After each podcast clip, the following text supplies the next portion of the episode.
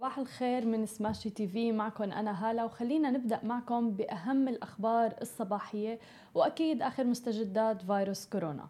الشركة العملاقة أبل اللي تربعت على عرش شركات التريليون دولار لسنوات عديدة زعزعت مكانتها آه، وجود وانتشار فيروس كورونا حيث انخفضت قيمتها السوقية لشركة أبل لتخرج الشركة التكنولوجية من قائمة الشركات اللي بتتجاوز قيمتها السوقية تريليون دولار.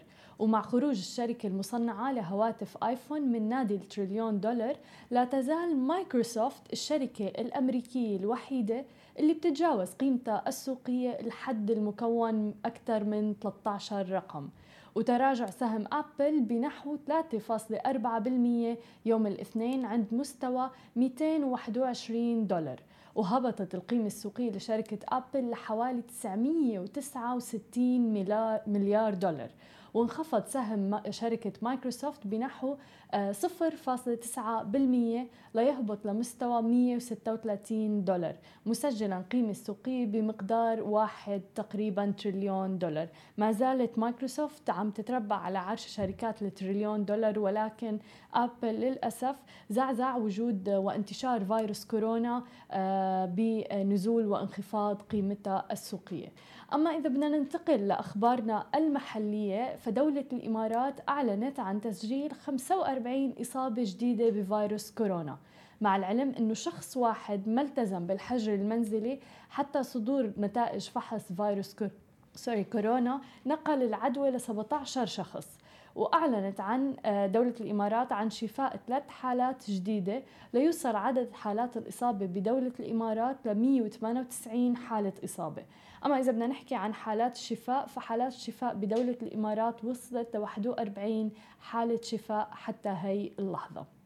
وتم الإعلان أيضا مثل ما سمعنا امبارح وحكينا لكم عن تعليق الطيران، إغلاق المراكز التجارية، الحدائق والشواطئ آه، بالإضافة طبعا إلى الجيم وغيرها، يوم أمس آه، بس بينما للمراكز آه، التسوق كل شيء مغلق فيها ما عدا السوبر ماركت والصيدليات للحاجات الضرورية، ولكن أهابت وزارة الداخلية بالجميع ضرورة الالتزام بعدم الخروج من المنازل إلا في حالات الضرورة القصوى ولدواعي العمل ولغرض مثلا شراء الحاجات الأساسية من الدواء والغذاء.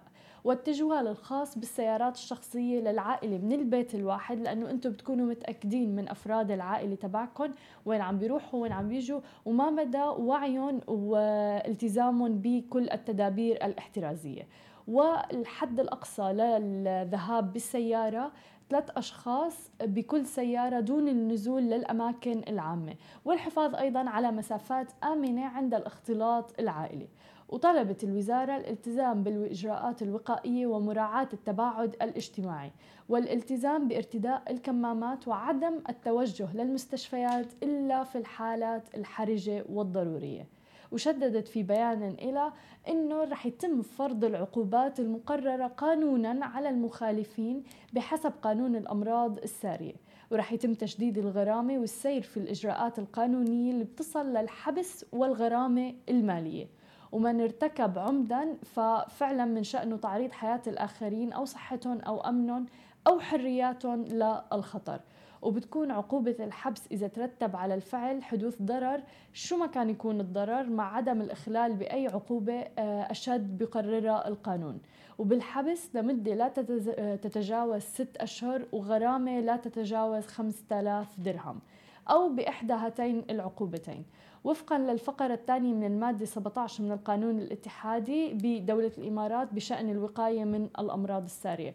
وأيضا وصل قانون حاليا آه أنه في غرامة بتصل لخمس سنين حبس إذا تم آه عدوى شخص آخر آه عن عمد بفيروس كورونا.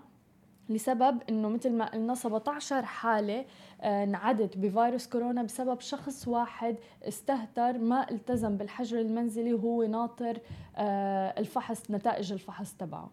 أما إذا بدنا ننتقل ونحكي عن المملكة العربية السعودية فوصل عدد حالات الإصابة بفيروس كورونا حوالي 562 حالة حتى الآن و19 حالة شفاء. وتم الإعلان عن حظر تجول جزئي يوم أمس وأهاب مصدر مسؤول في وزارة الداخلية السعودية بجميع المواطنين والمقيمين اتباع التعليمات تجاه أمر منع التجول للحد من انتشار فيروس كورونا الجديد. هي مدة الحظر الجزئي رح يكون لمدة 21 يوما ابتداء من الساعة 7 المساء وحتى الستة صباحا. وذلك من يوم أمس الاثنين. وأوضح المصدر أنه من يخالف أمر منع التجول سيعاقب آه، ب 10000 ريال سعودي وبتضاعف الغرامة في حال آه، أنه عاود موضوع ارتكاب المخالفة آه، وقد يعاقب بالسجن لمدة لا تزيد عن 20 يوما بموجب قرار من سمو وزير الداخلية. ويعاقب بعقوبة السجن المشار إليها كل مخالف ما امتثل بالسلطات المختصة بتنفيذ المنع. ولا يسري على حالات طبعا الضرورة القصوى بما في ذلك الحالات الصحية الطارئة وفقا لما بتحدده الجهات المختصة. فضروري على الجميع عن جد التزام آه، الحجر المنزلي والابتعاد الاجتماعي للحد من انتشار فيروس كورونا. ولتشجيع الناس على الالتزام حاب نحكي عن وضع آه، ووهان الصينية اللي بتعتبر كانت بؤرة انتشار فيروس كورونا.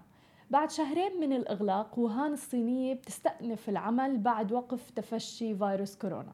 سمحت السلطات في مدينة ووهان الصينية للسكان باستئناف العمل وبدأت وسائل النقل أيضا في العودة إلى النشاط. بعد النجاح من وقف تفشي فيروس كورونا المستجد. وهذا الاستئناف بيجي عقب شهرين ونص من الحجر في المدينة اللي بتمثل مهد الفيروس كوفيد 19 وبيأتي رفع القيود عقب إعلان وزارة الصحة عدم تسجيل أي إصابة بفيروس كورونا المستجد لليوم الخامس على التوالي في المدينة اللي بيبلغ عدد سكانها حوالي 11 مليون نسمة. وانطلق منها تفشي فيروس كورونا المستجد بديسمبر الماضي. وأعلنت الوزارة تسجيل 39 إصابة آه، إضافية قادمة من الخارج في كامل أنحاء البلاد. وقالت السلطات إنه يمكن لسكان ووهان اللي بيعتبروا إنه وضعهم الصحي جيد التنقل بأرجاء المدينة وركوب الحافلات أو القطار بعد إظهار بطاقة الهوية. كما يمكنهم أيضا العودة إلى مواقع عملهم في حال كانوا عم بيحملوا رخصة من صاحب العمل حيث تراجع عدد الإصابات اليومية بشكل كبير بالأسابيع الأخيرة. وأيضا بنحب نذكر إنه أيضا بوهان آه، رجعوا افتتحوا الأماكن السياحية آه، اللي كانت مغلقة بسبب تفشي فيروس كورونا.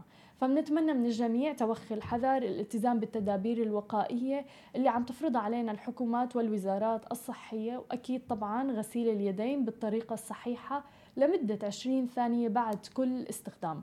وصدقا ما في أي داعي للخروج من المنزل إلا للضرورة القصوى. هاي كانت كل أخبارنا الصباحية لليوم. بشوفكم الساعة تنتين ونص بأخبار مفصلة أكثر ما تنسوا تتابعونا على كل مواقع التواصل الاجتماعي الخاصة بسماشي TV وأكيد تسمعوا البودكاست تبعنا. نهاركم سعيد. هاي كانت أخبارنا لليوم. تابعونا على كل منصات التواصل الاجتماعي اللي بتتعلق بسماشي TV. وما تنسوا تنزلوا تطبيق سماشي TV على ال App Store وال Play Store. لتتابعوا آخر المستجدات أول بأول.